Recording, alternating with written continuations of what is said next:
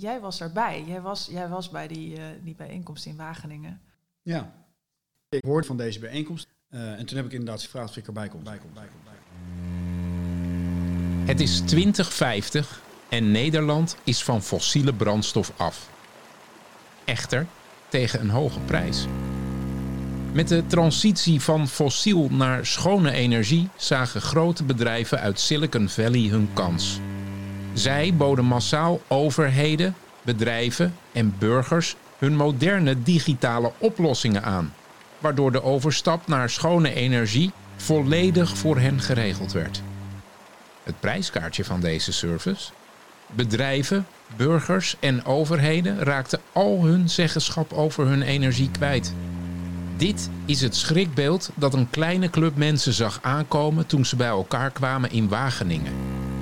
Onder deze mensen bevonden zich ook Martine en Xander, onze twee vertellers van dit verhaal.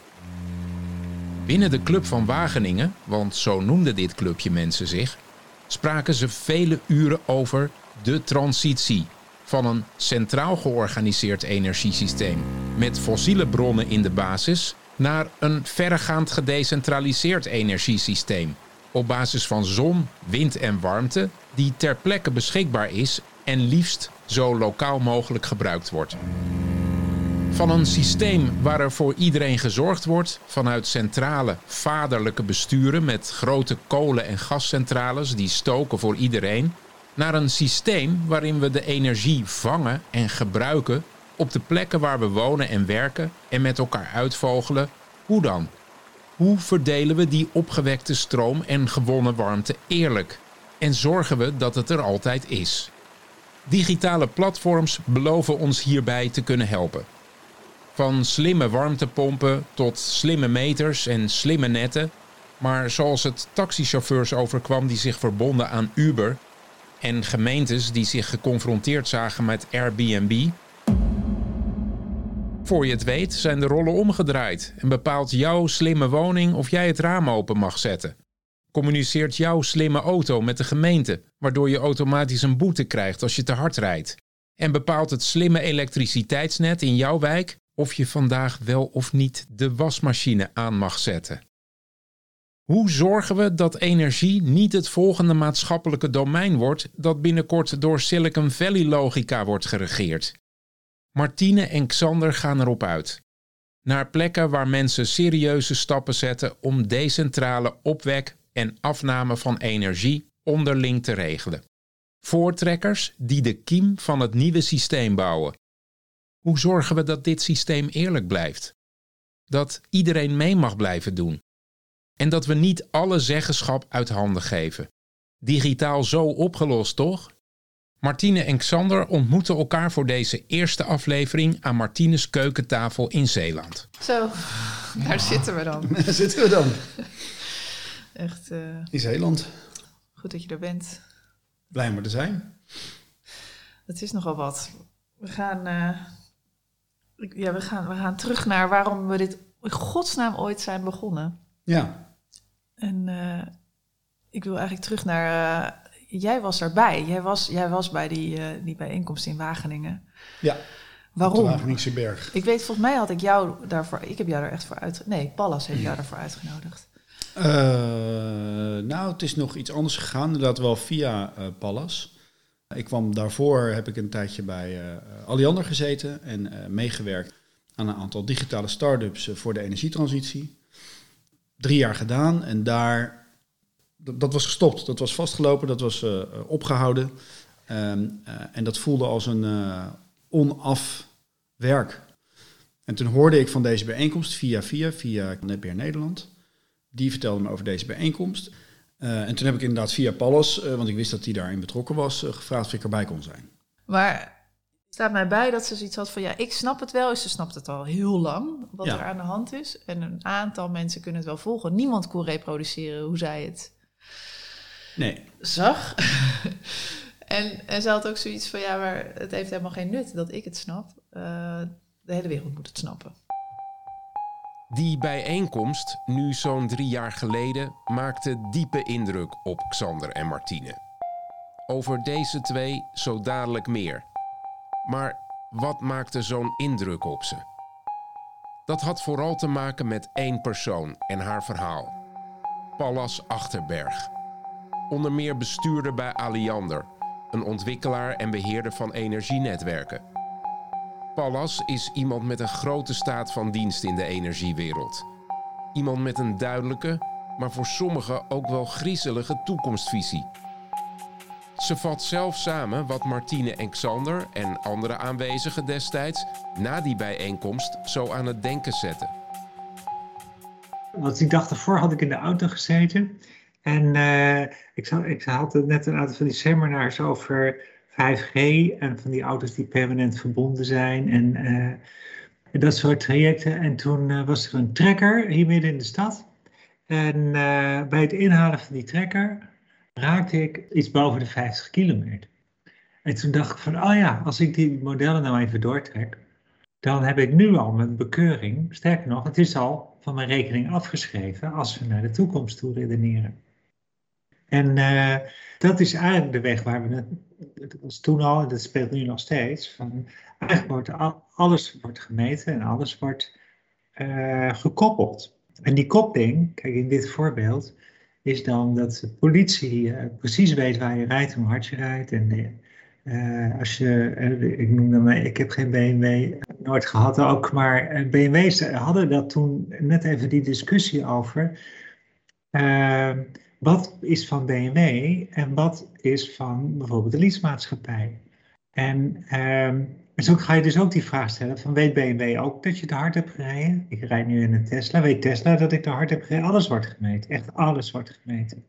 En uh, ik vermoed wel dat ze weten dat ik te hard rijd. En af en toe komt er nog zo'n melding. Wij gaan dit niet doorgeven aan jouw werkgever. En eh, nou, eh, niet, niet als ik te hard heb gereden, maar als, als gewoon van tevoren. Als, uh, je moet ook soms op oké drukken, maar ja, als je niet op oké drukt, kan je niet rijden. Dus ja, dus je drukt op oké. En, en zo, zo, zie je langzaamaan dat dat allemaal bij elkaar komt. En in datzelfde stramien zat ik te kijken van, nou, dus die, die hele automobiliteit die verandert op deze manier met die gegevens en wie die gegevens heeft en hoe je die aan elkaar knoopt en wat je daar vervolgens mee kan doen. Uh, vervolgens uh, zien we dan in de navigatie dat soort dingen doorkomen. Dus uh, dat heeft nu ook al plaatsgevonden. Ik krijg af en toe suggesties om een weggetje in te slaan waar ik zeker weet dat niet de bedoeling is van de verkeersplanners dat ik dat weggetje insla. Met andere woorden, je kan verkeersplanner zijn wat je wil, maar ergens uh, in een uh, algoritme wordt bepaald hoe het verkeer door de stad heen stroomt. Dus ik pak nu al nummer twee van, van informatie en informatieuitwisseling. En vervolgens, nou, wat je ermee kan doen in bekeuring. Ga je vervolgens uit ook van hoe komt dat in het beleid en waar wordt dan eigenlijk beleid gemaakt. En voor je het weet, wordt in feite door die informatiestromen is, nou, zeg maar, je bent een verkeersplanner, je wil weten hoe, hoe, loopt, hoe loopt eigenlijk verkeersstroom, van, van waar naar waar gaat dat? En dat was toen nog, uh, je zegt van ja, eigenlijk wel raar, maar de enige aan wie je het kan vragen is Google. Maar nu staat er gewoon dagelijks in de krant van zoveel mensen zijn naar hun werk gegaan, blijkt uit de volgende Google-data. Dus zeg maar, het hele uh, beleid over thuiswerken, niet thuiswerken enzovoort, dat loopt al via informatiestromen, via Google. En uh, nou, als je dan, zijn we nog een stapje verder, de, in, in die redeneertrand is dat de fysiek, dus de fysieke kant, dus waar worden wegen gepland, maar vervolgens ook, waar komt oplaadinfrastructuur? Nou, oplaadinfrastructuur heeft inmiddels heel veel dynamiek uh, doorlopen, maar de manier waarop we dat nu doen, is dat een oplaadpaal en de dienstverlener zitten aan elkaar vast.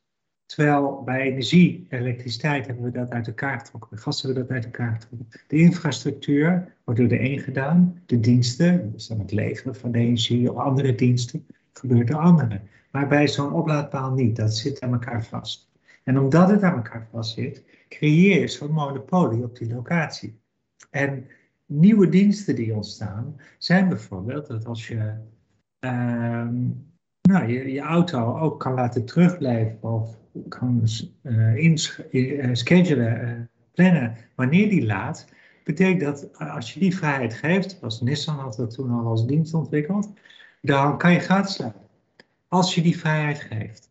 Want er is geld te verdienen met die batterij en die auto. En eh, op het moment dat de mogelijkheid is dat nou, Nissan heeft dan geen paden, maar stel je voor Nissan doet een joint venture met, nou, zo gaat het dan, Fastnet of zo, dan, ehm, dan zie je dat, ja, oké, dus kan gratis laden bij Fastnet, bij anderen moeten betalen, ga je alleen nog maar naar Fastnet. Dus dat model betekent automatisch dat uh, dat je bij, nou, dat je degene die daar het meest dominant in zijn, die winnen. Dus degene met het meeste investeringscapaciteit op innovatie, die winnen.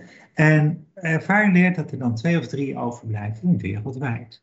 Nou, als we dan nu inschatten, wie zijn nou eigenaar van die twee of drie overblijvers? En dan is dat vermoedelijk gewoon Google en Uber. En als je dan dat allemaal optelt, betekent dat zowel de informatiestromen als mobiliteitsbeleid over waar komt infrastructuur enzovoorts, in een beperkt aantal stappen in handen komt te liggen van een paar techgiganten. Nou, wat is nou de oplossing om dit te voorkomen? Dat zeg maar, de bron van informatie en het gebruik van informatie, eh, de diensten en de infrastructuur, dat je die twee verplicht uit elkaar trekt. Je mag ze best allebei aanbieden, maar dat als infrastructuur data oplevert, dan is dat ook voor iedereen beschikbaar die daar recht op krijgt. En nou, mijn auto, mijn data, dus dan moet ik kunnen zeggen, dit mag op het platform en deze dienstaanbieders mogen dit gebruiken. Helemaal niet zo ingewikkeld. Met andere woorden, het recht op die data en wie het mogen gebruiken, daar moet je een stap in zetten. Dit is een goedkoop stapje, het is één regel in de wetgeving, één, één zinnetje wat erbij moet. De wereld is anders. Maar dat zinnetje zetten we er niet in, want we zeggen van nee, de markt moet het eerst ontwikkelen en als het misgaat sturen we wel bij. Nou, dat bijsturen, dat gaat binnen een paar jaar moeten plaatsvinden en dat gaat miljarden kosten. Hoe een onschuldig ritje met de auto kon leiden tot het bedenken van dit scenario. Wie beschikt er over welke data die je als autobestuurder, of generieker, gebruiker, genereert? Als die data dan ook nog eens aan elkaar geknoopt wordt, ontstaan er allemaal op het eerste gezicht aantrekkelijke diensten die het leven voor de gebruiker vergemakkelijken. Maar wel eentje waarbij, als we Pallas redenatie volgen, uiteindelijk twee of drie grote internationale techbedrijven de dienst uitmaken. Toegepast op een nutsvoorziening als energie, ben je als samenleving dan al snel de sigaar. De oplossing volgens Pallas Achterberg: de bron van informatie en het gebruik van informatie scheiden van elkaar. Dat moet snel en het kost heel veel geld. Terug naar de keukentafel.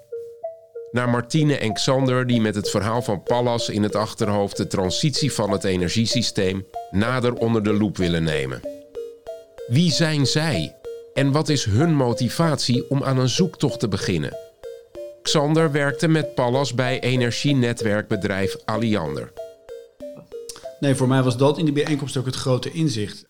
Uh, ik had een aantal jaren inderdaad in die context gewerkt met haar, onder andere met haar, maar eigenlijk vooral met een aantal andere mensen, om te komen tot nieuwe oplossingen in die digitaliserende energiewereld.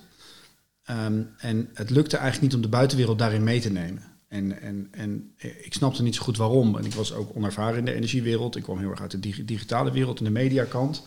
En daar had ik wel gezien wat er gebeurt als uh, bedrijven vanuit Silicon Valley uh, puur vanuit een, een economisch model, vanuit een verdienmodel, zeg maar, zo'n wereld veranderen, of een hele wereld op zijn kop zetten. In de media is dat gewoon een paar jaar tijd gegaan. Hè. Je kreeg nu.nl, dat waren geloof ik zes mensen op een zolderkamer. Misschien romantiseer ik het nu te erg. Maar zes mensen op een zolderkamer die in een hele korte tijd uh, het volledige bereik pakten online. En daarmee grote kranten eigenlijk buitenspel zetten, heel snel. en later ging dat natuurlijk naar de grotere bedrijven vanuit Silicon Valley, zoals Facebook, et cetera. Die al die advertentiegelden gingen weghalen. Wat gewoon directe gevolgen had voor de onafhankelijke journalistiek. En dat had ik daar meegemaakt. En vanuit eigenlijk dat, dat kader kwam ik terecht in die energiewereld en hoorde ik van... hey, dit gaat ook gebeuren in die energiewereld. Alleen die is nog heel gereguleerd. Dus dat zal wat langzamer gaan en daar zijn allemaal. Maar uh, er zijn wel steeds meer bedrijven die bezig gaan, die digitale infrastructuur straks zullen willen gaan trekken. En die krijgen heel veel macht. En ik heb geleerd vanuit de media dat dat vaak heel ongemerkt gaat. Dit wist je al die tijd al, toen je daar werkte? dit wist ik al toen ik daar werkte, want dat was mijn voorgeschiedenis. Ik kwam daarvoor bij uh, de VARA vandaan en een tijdje bij de Volkskrant gezeten. Dus dat had ik daar meegemaakt. Dus toen ik in die energiewereld dit verhaal te horen kreeg, dacht ik van Pallas, dacht ik ja, dit herken ik. Ik herken dit uit een andere markt en uit een andere context. En, maar dat moeten we met energie niet hebben, want energie is gewoon een primaire baasbehoefte. Dat, dat, ja, dat, dat, dat moet niet in de verkeerde handen vallen.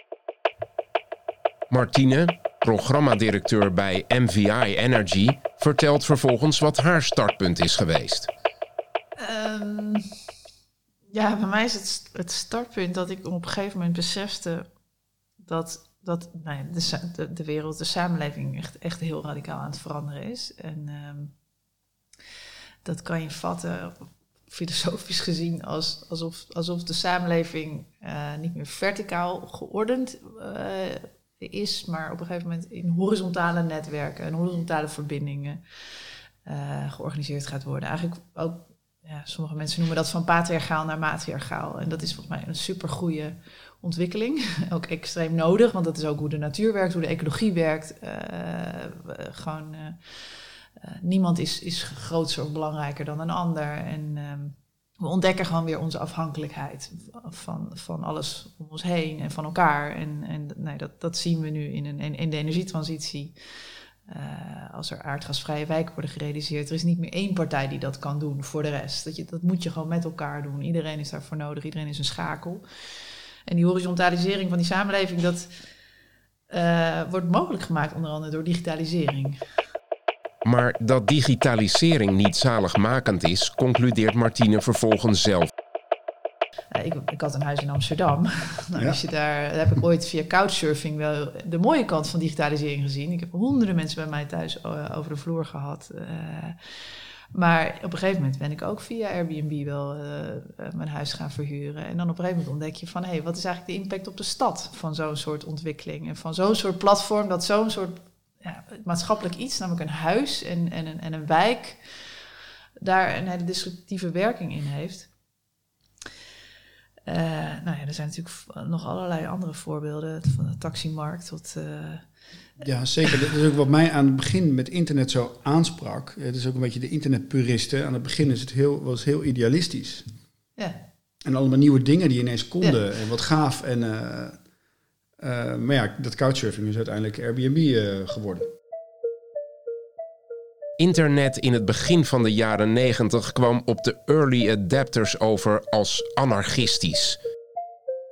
Iets later riep men dat dankzij het internet iedereen gelijk zou zijn. Democratie, transparantie. Was men naïef? Martine en Xander kennen elkaar onder meer van de Club van Wageningen. De Club van Wageningen is een verandernetwerk van invloedrijke voortrekkers, van energiebedrijven, netbeheerders, de wetenschap, prosumers, de overheid en start-ups. Door het faciliteren van de discussie over de toekomst en de verdere digitalisering van energie, hoopt de club scherp te krijgen wat er nodig is om de kernwaarden van een eerlijk, inclusief en democratisch bestuurbaar energiesysteem voor de toekomst te behouden. En het besef dat dat hard nodig is, groeit.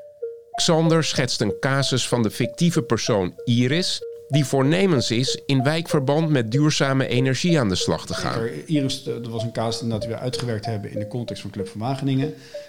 Uh, Iris stond voor een model voor een, voor een, een dame die uh, sociaal bewogen is, in een wijk woont, graag het groen en goed wil regelen in de buurt aan de slag gaat, met iedereen bewonersavonden organiseert, uh, uh, uh, partijen erbij haalt die, die het kunnen regelen, of dat nou zonnepanelen zijn of batterijsystemen of et cetera. En uiteindelijk helemaal vastloopt in de weerwar van regels, mogelijkheden, onmogelijkheden.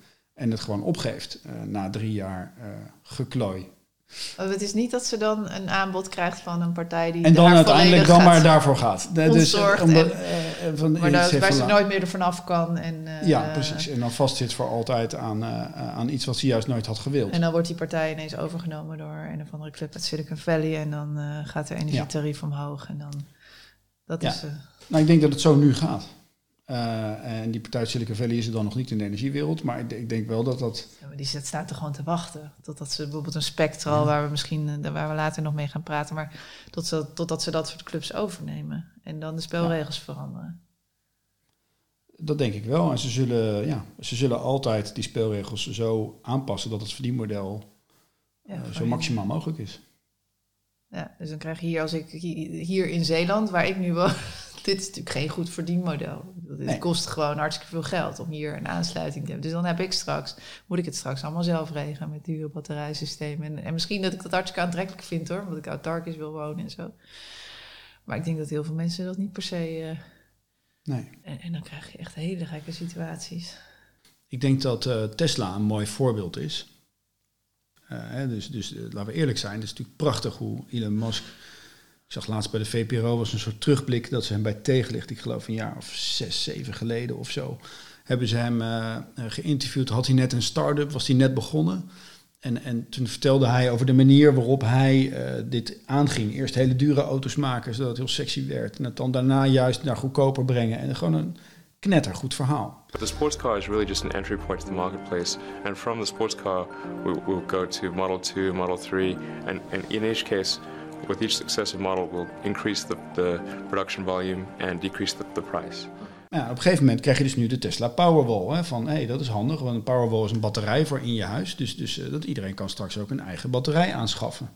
Dus straks heeft iedereen, hè, stel je voor, of niet iedereen, maar een aantal mensen hebben een Tesla, kunnen dat eh, betalen. Eh, de, ik rij zelf gewoon een, Mazda, bij wijze van spreken, maar iemand die kan een Tesla be- betalen en, en, en kan een, eh, eh, een auto, maar ook een eh, batterij thuis. En op een gegeven moment ehm, ja, gaat Tesla zeggen, ja, dat werkt toch wel eigenlijk het beste met Tesla zonnepanelen.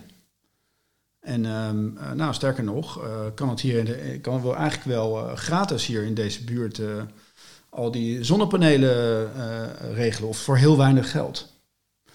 Ehm, eh, maar dan moeten jullie wel allemaal lid worden van het Tesla-platform. Eh, nou, wat krijg je dan? Eigenlijk wordt Tesla dan een soort energiemaatschappij. Want die hebben ineens toegang tot allemaal energie van al die mensen. En die kunnen op basis daarvan, ik, de details begrijp ik ook nooit helemaal, maar flexhandel gaan doen en, en allemaal andere platformachtige grote handel gaan doen. Omdat zij heel veel tot hun beschikking hebben. Dus zij krijgen eigenlijk heel veel macht. Gedwongen winkelnering eigenlijk. Eigenlijk wel. Dus als ik dan vervolgens naar die plek ga verhuizen, ik koop daar een huis, dan moet ik dus met Tesla. Dus mijn volgende auto die je koopt, ja, dat moet eigenlijk wel een Tesla worden. Het is een beetje zoals Apple. Hè, dus als je eenmaal aan die Apple zit, dan zit je eraan. Daar zit ik ook aan, overigens, maar aan dat infuus. Dus het is heel mooi, maar er zitten... Ja, je zou eigenlijk willen dat, dat, dat iemand die een Mitsubishi heeft en die komt in dat huis wonen, dat die ook gewoon mee kan doen. Waarom mag ik met mijn Mitsubishi niet meedoen? Dat kennen we al. Dus in Amsterdam is dat gewoon eh, gebeurd. Dus hele woonwijk met die Tesla Power, Powerwalls, heet het zo? Dat dacht ik. Maar, Ja, ja. Nou ja, die batterij van Tesla. Ja. En het voorbeeld is dat, eh, de, de, dat daar een verdienmodel aan gekoppeld is, wat ook gebaseerd is op dat handelen. Dus dat die, dat die wijk, eh, de, de, de capaciteit die er in een batterij zit, dat, dat, dat het gebruikt werd om gewoon slim op de flexmarkt eh, op, op mee te handelen. Waardoor het hele net wat daar lag, het elektriciteitsnet in, in die grotere wijk, verzwaard moest worden. ja, precies. En de kosten daarvan, dat wordt afgewenteld op de hele samenleving. Ja. Maar dat is En dat is voorbeeld. niet dus, dat is dus, dat, en Tesla draait daar niet voor op. Nee. En dat Nee. zou, een, dat zou een, een partij met een publieke doelstelling, eh, die gewoon als, als, als hoogste doelstelling heeft van de boel in balans houden en zorgen dat iedereen energie heeft, duurzame energie. En die, zou- die zou dat nooit op die manier doen. Nee, en, dat, en, datzelfde, en als je dan weer nog verder denkt, kijk, eh, dus stel dat, dat datzelfde Tesla dan ook een, een windmolenpark in de buurt koopt. En er is zon en er is wind tegelijkertijd eh, op die dag, toevallig. Alleen wind krijgen ze een hogere prijs voor. Ja. Eh, ehm, eh, of, of, of op andere manieren, dan, dan, dan gaat eigenlijk op basis van geld gaat gekozen worden welke Nee. energie we verbruiken. En niet op basis van CO2 of op basis van. Dat is dan helemaal geen factor. Eh, wat, wat heel erg lijkt op die Tesla. Wat heel erg lijkt op die Tesla. eh, is wat Google nu eigenlijk doet op eh, basisscholen. Wat Google doet, is die delen hele goedkope Chromeboekjes Zo, uit ja. op scholen. En, en geven dat eigenlijk aan kinderen weg. Waardoor hele scholige gemeenschappen, maar ook alles wat erachter zit, overstapt op Google als besturingssysteem. Om er daarna achter te komen dat Google dat natuurlijk alleen maar doet om zieltjes te winnen. Google Workspace for Education Fundamentals gives you tools to aid teaching and learning, such as Classroom, Anytime. Google Meet, Google Meet, Google Docs, Google what a great opportunity. Dus, dus door eigenlijk heel goedkoop, uh, een heel slimme strategie van Google. En het is ook niet eens slecht. Hè? Ik, bedoel, ik vind het heel fijn dat mijn zoontje zit op speciaal basisonderwijs. Uh, dat die dan een, een, een, een, uh, in, een, in een wat mindere wijk, ja, die, die krijgen wel een laptop. Die hadden ze anders niet gehad. Dat is een vleesetende plant. Dat is, dat is een mooie metafoor, ja. Ja, ja dat ja. is nooit genoeg.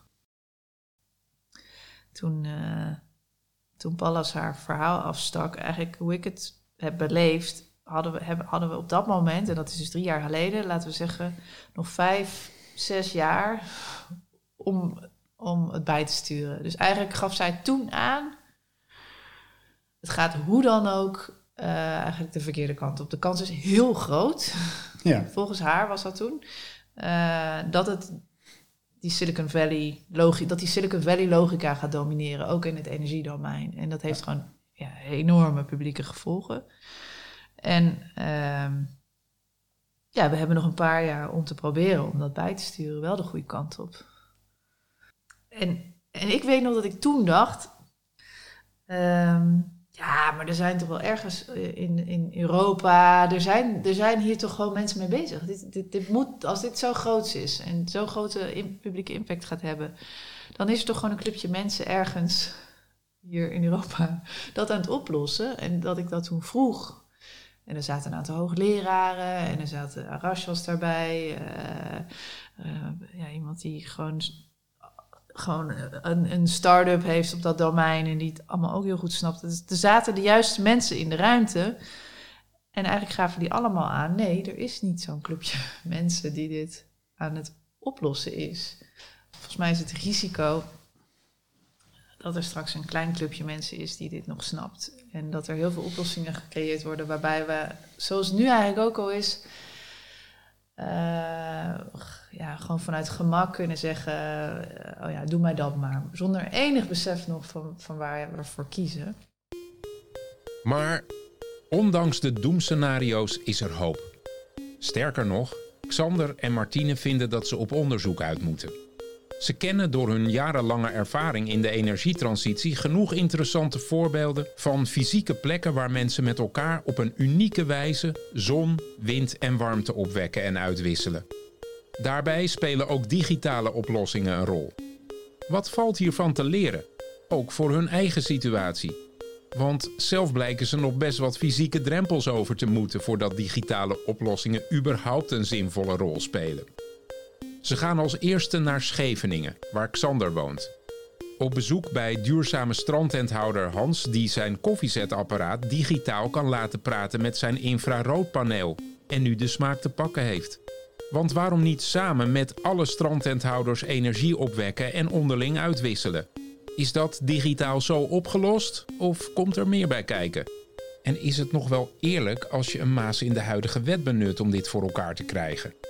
Wat vindt de beheerder van het energienet hier eigenlijk van? Tot zover deze podcastaflevering van Met de Stroom mee.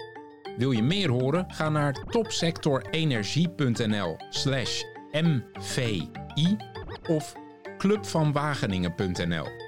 Ook vind je daar relevant achtergrondmateriaal en het hele gesprek met Pallas Achterberg, waarin Xander en Martine haar verder aan de tand voelen over haar visie op de energietransitie.